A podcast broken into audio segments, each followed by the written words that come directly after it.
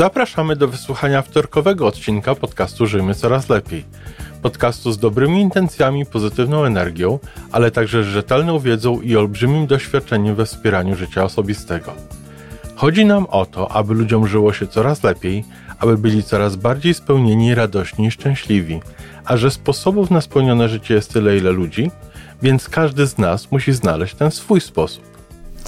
Dzień dobry, kochani. Dzisiaj audycja wtorkowa, czyli ta, w której mówię o sprawach niecodziennych, o sprawach niezwykłych i o to o sprawach, które najczęściej y, kojarzą nam się niedobrze, które najczęściej w naszym ludzkim doświadczeniu określane są wszelkiego rodzaju mm, przymiotnikami czy przysłówkami, których ja nie bardzo lubię używać. Wiecie o co chodzi. Ciężkie, straszne, okropne, dramatyczne.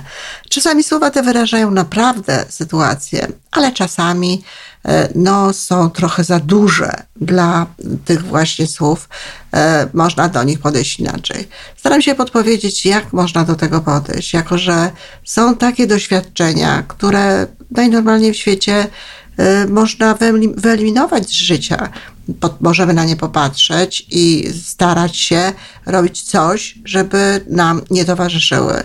Ale są również takie doświadczenia, które po prostu no, zostaną z nami. Zostaną z nami na zawsze, zostaną z nami na całe życie, czy zostaną z nami na jego znakomitą część. I w związku z tym tutaj cała sztuka życia polega na tym, żeby umieć na nie inaczej spojrzeć, żeby przekształcić to w naszej świadomości, w tym sposobie, w jakim to widzimy, tak, żeby nam to w jakiś sposób służyło. Powtarzam to często, ale dziś jeszcze raz powiem, że te doświadczenia, które przeżywamy w życiu, które są doświadczeniami, tak jak mówię, z gatunku tych raczej nieoczekiwanych, czy e, raczej nieplanowanych, czy wręcz czasem na początku, a często przez całe życie, niechcianych, e, mogą być znakomitymi, znakomitymi nauczycielami dla nas, ale mogą też być tymi czynnikami, które powodują w nas wzrost, które powodują, że rośniemy, które powodują, że rośniemy wewnętrznie, że budujemy różnego rodzaju cechy charakteru. E, e, za sprawą tych, tych doznań, albo że uczymy się czegoś pomimo tego, co mamy, mogą być naprawdę bardzo wartościowe. Zachęcam Was bardzo mocno, żebyście właśnie w taki sposób patrzyli na te y, zdarzenia, o których mówię we, wtorku, we wtorki. Dziś chcę powiedzieć o e, takiej rzeczy, y, o której no dowiaduję się czasami od kobiet, dowiaduję się czasami od matek, a mianowicie, że dorosła córka, córka, z którą kiedyś były zupełnie dobre relacje, córka, która no może niekoniecznie była naszą powiernicą. Wiecie, wszystkie matki myślą, że mają rewelacyjne relacje z dziećmi, no a potem jak się rozmawia z tymi dziećmi, zwłaszcza z tymi córkami, to się okazuje, że te relacje wcale nie są takie znakomite. E, no i to wynika to po prostu z tego, że tak naprawdę e, te matki nie, nie patrzą na pewne rzeczy, ponieważ dostają to, co, co, co chciałyby, czyli nie wiem, sympatyczną postawę swoich córek, uśmiech, uśmiech, zadowolenie, zgodę na różne rzeczy, no to myślą, że jest dobrze. To jest dokładnie tak samo jak z dziećmi. Kiedy dzieci są bardzo grzeczne, kiedy dzieci są bardzo posłuszne, kiedy nie sprawiają naprawdę y, żadnych wyzwań, nie są dla nas żadnym wyzwaniem, to kochani, trzeba się zastanowić, bo to nie jest dobrze. Taka była moja córka, taka była Magda. Ja myślałam, że to jest świetnie, że to jest znakomicie, że to jest po prostu grzeczne dziecko. Natomiast dzieci, które się czują w domu, córki, które się czują w domu y, bezpiecznie, córki, które y, mają zgodę na to od swoich matek, przede wszystkim, ale też również od swoich ojców, na to, żeby były sobą, żeby y, poznawały ten świat, żeby eksplorowały ten świat, żeby uczyły nauczyły się po prostu żyć, no, nie są grzeczne. No, nie jest tak, że one są niegrzeczne, tak? Ale grzeczne nie są. Jeżeli, jeżeli się przez cały czas właściwie podchodzi do tych dzieci, no to nawet możliwe jest to, że nie będzie żadnych faz buntu. Mówi się czasami o tych okresach buntu, że one są, że one są nieodzowną częścią rozwoju. Niekoniecznie. Jeżeli dziecko nie ma się, jeżeli dziewczyna nie ma się przeciwko, przeciwko czemu buntować, to tego buntu nie ma. Ale też jest czasami tak, że jest tak grzeczna, tak dobrze ułożona, tak bardzo zależy jej na tym, żeby no, sprostać oczekiwaniom mamusi e, czy oczekiwaniom rodziców, że nie buntuje się zewnętrznie, choć w środku oczywiście dzieją się niedobre E, rzeczy, no niedobre.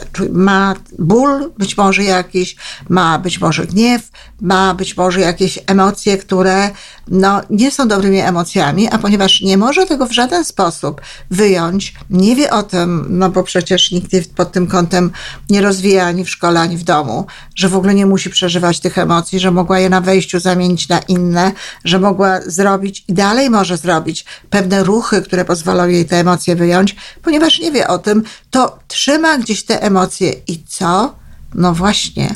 I czasami je trzyma tak długo, aż jest już dorosłą osobą, zupełnie niezależną od swojej matki, e, bardzo często ma już swoją własną rodzinę, no i wtedy pozwala sobie na to, aby te emocje e, wyjmować z siebie e, w stosunku do tej matki. I uwaga, to jest bardzo ważne, często pozwala sobie na to i robi to w sposób nieproporcjonalny do sytuacji. Dlatego, że jeżeli przez całe życie uczymy się i pozwalamy na to dzieciom, żeby pokazywały swoje emocje, ja nie mówię, że mamy im mówić, masz prawo się złościć, ale mamy, y, ale chodzi o to, żeby, bo, bo to jest nie tak, to nie jest prawda, tak być nie powinno. Natomiast y, mają mieć y, możliwość i mają wiedzieć, że mogą mówić o tym, co czują, że mają prawo mówić o tym, że jakie mają zdanie, że mają prawo mówić o tym, e, co by chciały, co jest dla nich ważne i tak dalej. Więc jeśli jest to tak, że przez jakieś no, lata dziecko tego nie ma w domu, bo na przykład albo matka jest e, trochę apodyktyczna, mm, i po prostu nie pozwala na to dziecku. Albo dziecko jest tak wrażliwe, jest tak super antycypujące wszystko, empatyczne, że ono samo stara się dla tej matki, nawet bez jej udziału, stara się w ogóle być najgrzeczniejszym dzieckiem na świecie. Taka była moja córka. Ale też i ja byłam matką, no, apodyktyczną. E, natomiast moja córka była niezwykle empatyczna. I w wypadku mojej córki stało się tak, że ona tej empatii w sobie nie, nie, nie, nie zamknęła, nie zniszczyła. Ona jest empatyczna, nawet jest za bardzo empatyczna i będę mówiła w jednym z tych odcinków, e, no właśnie o tym, co, co robić, co jest i jak do tego podchodzić, kiedy, kiedy człowiek jest zbyt empatyczny, kiedy nasze dziecko jest zbyt empatyczne, czy kiedy my sami jesteśmy zbyt empatyczni. Ktoś napisał na, przy okazji urodzin mojej córki, które były kilka dni temu, że nie można być zbyt empatycznym. Tak, można być zbyt empatycznym, można być nadwrażliwcem, można bardzo przeżywać. I będę o tym mówiła w, w oddzielnym odcinku. Natomiast chcę powiedzieć, że często takie bardzo dobre dzieci, bardzo empatyczne, po to, żeby się chronić, żeby nie cierpieć, żeby nie przeżywać tak bardzo świata i tego wszystkiego, co się dookoła dzieje, no po prostu zamykają ten dostęp e, serca, zamykają ten dostęp e, e, emocji, dostęp uczuć, zamykają swoje serce, ściskają swoje serce i potem nie czują.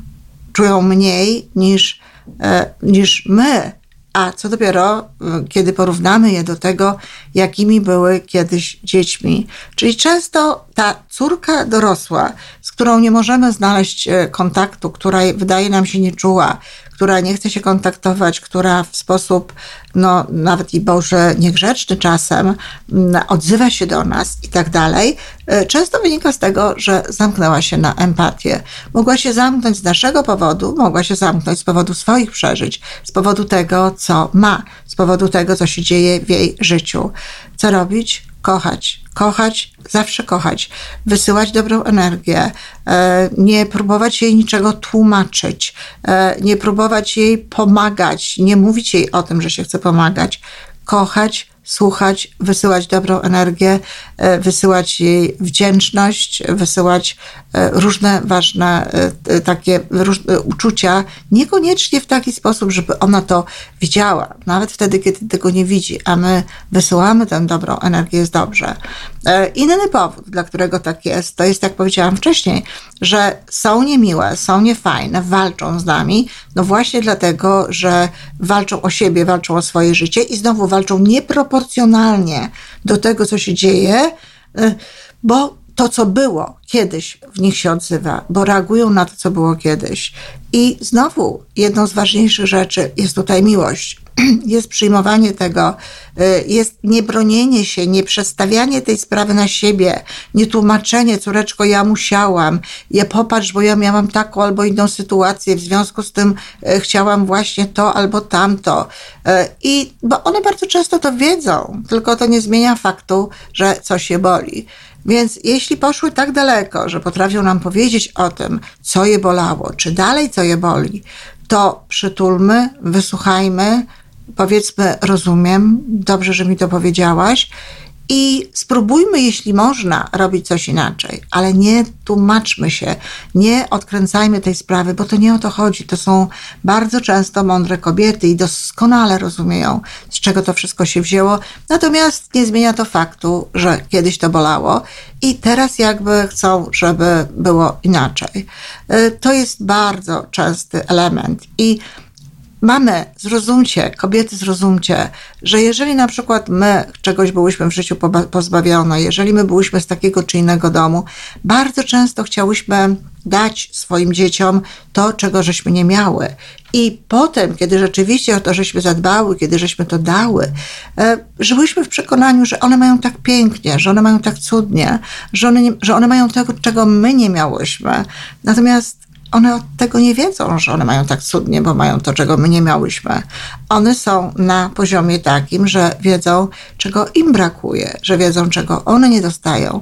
A często jest tak, że starając się bardzo o to, żeby naszym dzieciom było lepiej, żeby naszym córkom było lepiej, no przesadzamy z tym wszystkim. Przesadzamy w taką stronę, e, to gdzieś tam odzywają się wtedy te nasze cienie, przesadzamy w taką stronę, że po to, żeby ich życie było piękne, no pozbawiamy je czegoś innego albo y, dokładamy do ich życia coś, co wcale nie jest im potrzebne. Czyli drugi powód, dla którego nasze relacje z córkami są właśnie takie, to jest to, że one wracają do siebie, że one chcą mieć swoje zdanie, że one chcą mieć prawo żyć jak chcą. I w związku z tym, drogie panie, każda drugie mamy, każda, nasz, każda nasza uwaga, każda nasza informacja, a może nawet taka, wiecie, zupełnie życzliwa, a może zrobiłabyś tak, a może zrobiłabyś inaczej, e, jest niecelowa jest niecelowa. One zaczną brać od nas pewne rzeczy wtedy, kiedy naprawdę zaakceptujemy to, co robią, kiedy naprawdę zaakceptujemy to, jak się w tym, w tym momencie zachowują. Żeby było nam lepiej w takich momentach, kiedy dotyka nas jakieś ich zachowanie, z którym nie jest nam dobrze, można mówić, zresztą to jest coś, co można mówić zawsze, w każdej sytuacji. Kocham cię, przepraszam, wybacz mi proszę, dziękuję. Nie mówimy tego głośno, mówimy to po cichu, ale to, czy mówimy sobie to w myśli, ale to pozwala naszym myślom uspokoić się, to pozwala naszym myślom, no i naszym emocjom y, nie, nie czuć bólu, żalu, powoduje, że my w tym momencie nie czujemy e, niczego niedobrego, nie czujemy my sami nie najlepszych e, emocji.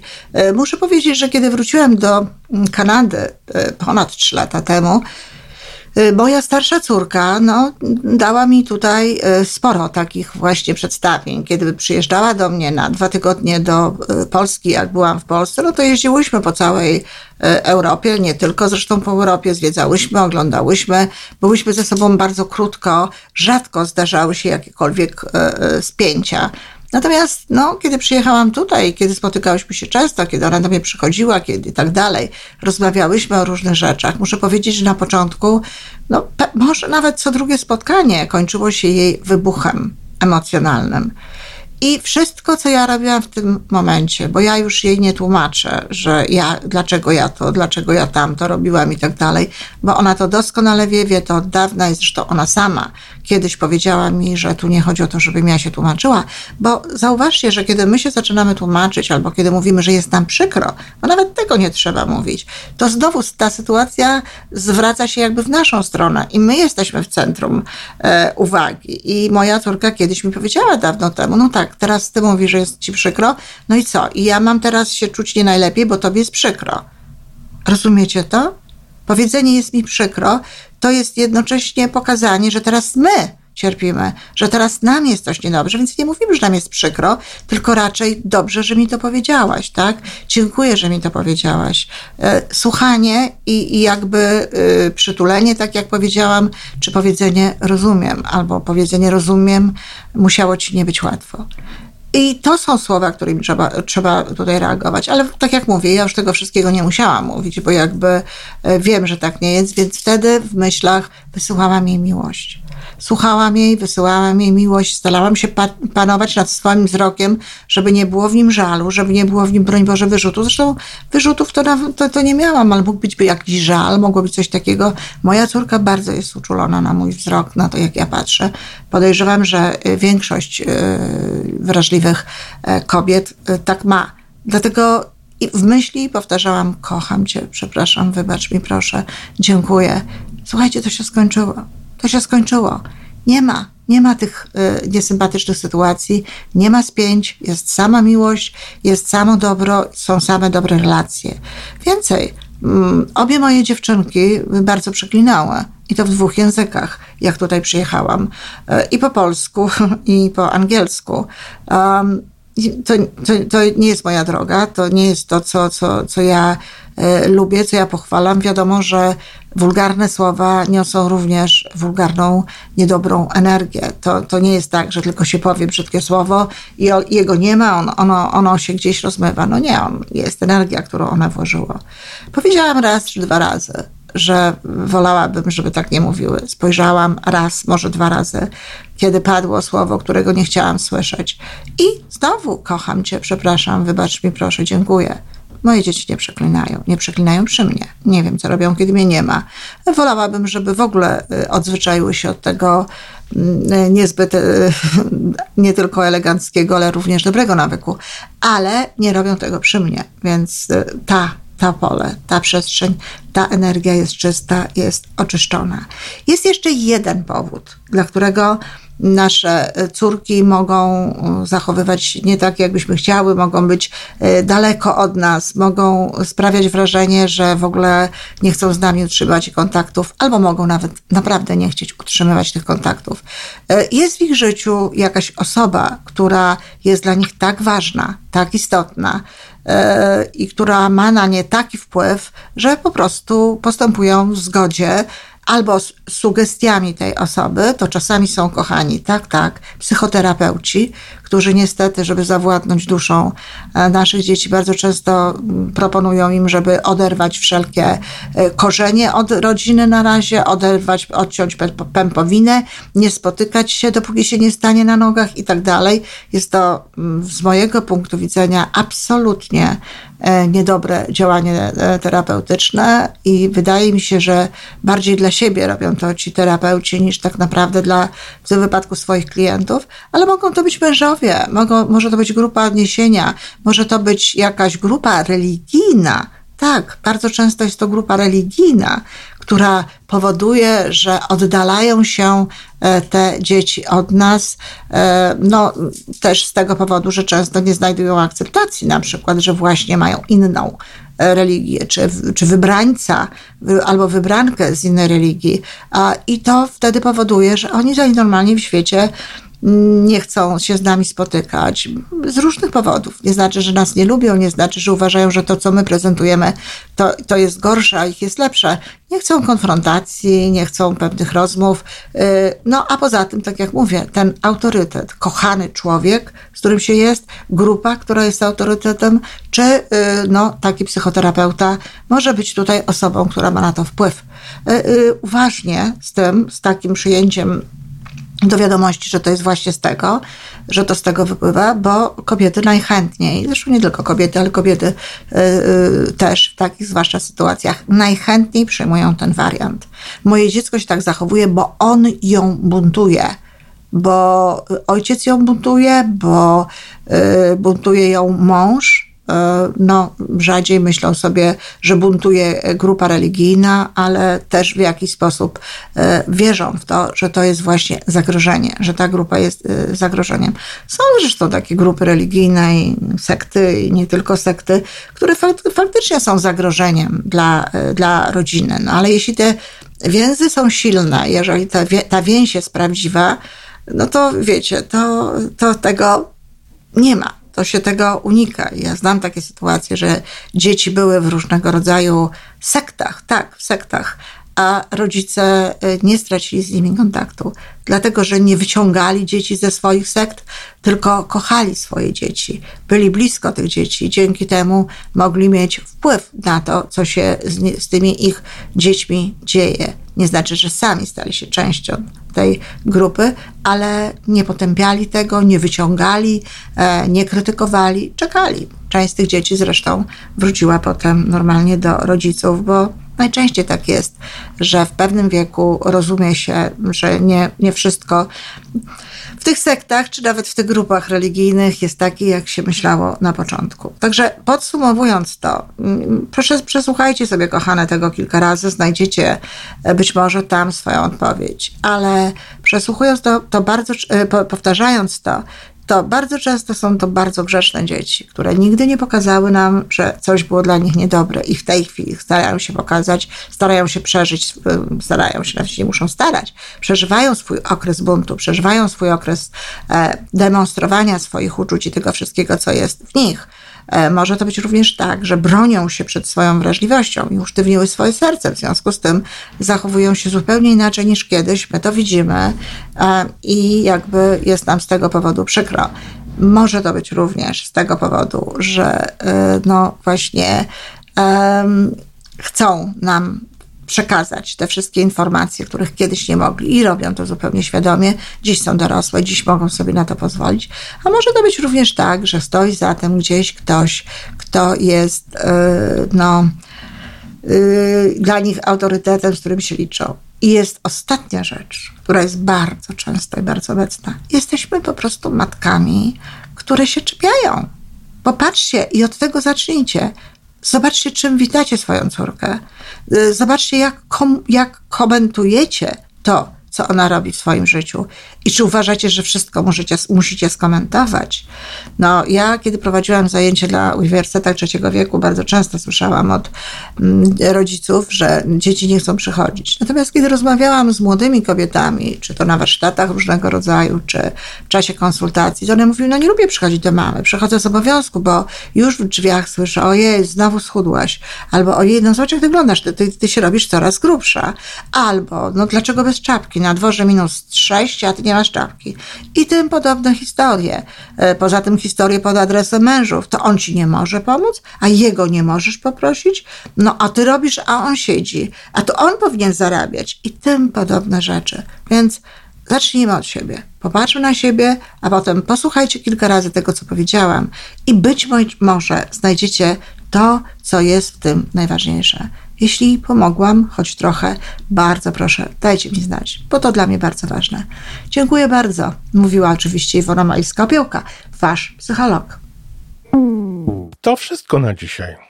Podcast Żyjmy Coraz Lepiej jest tworzony w Toronto przez Iwonę Majewską-Opiełkę i Tomka Kniata. Zapraszamy do darmowej subskrypcji. Jesteśmy dostępni już na każdej platformie, gdzie można słuchać podcastów. Wystarczy nas tam poszukać. A po więcej informacji zapraszamy na stronę www.majewska-opiełka.pl. Jesteśmy też na Facebooku i na Instagramie. Jeżeli uważasz, że nasze podcasty pomagają Ci w Twojej drodze do jeszcze lepszego życia, to proszę, przedstaw nas swoim przyjaciołom. Niech też skorzystają. Do usłyszenia.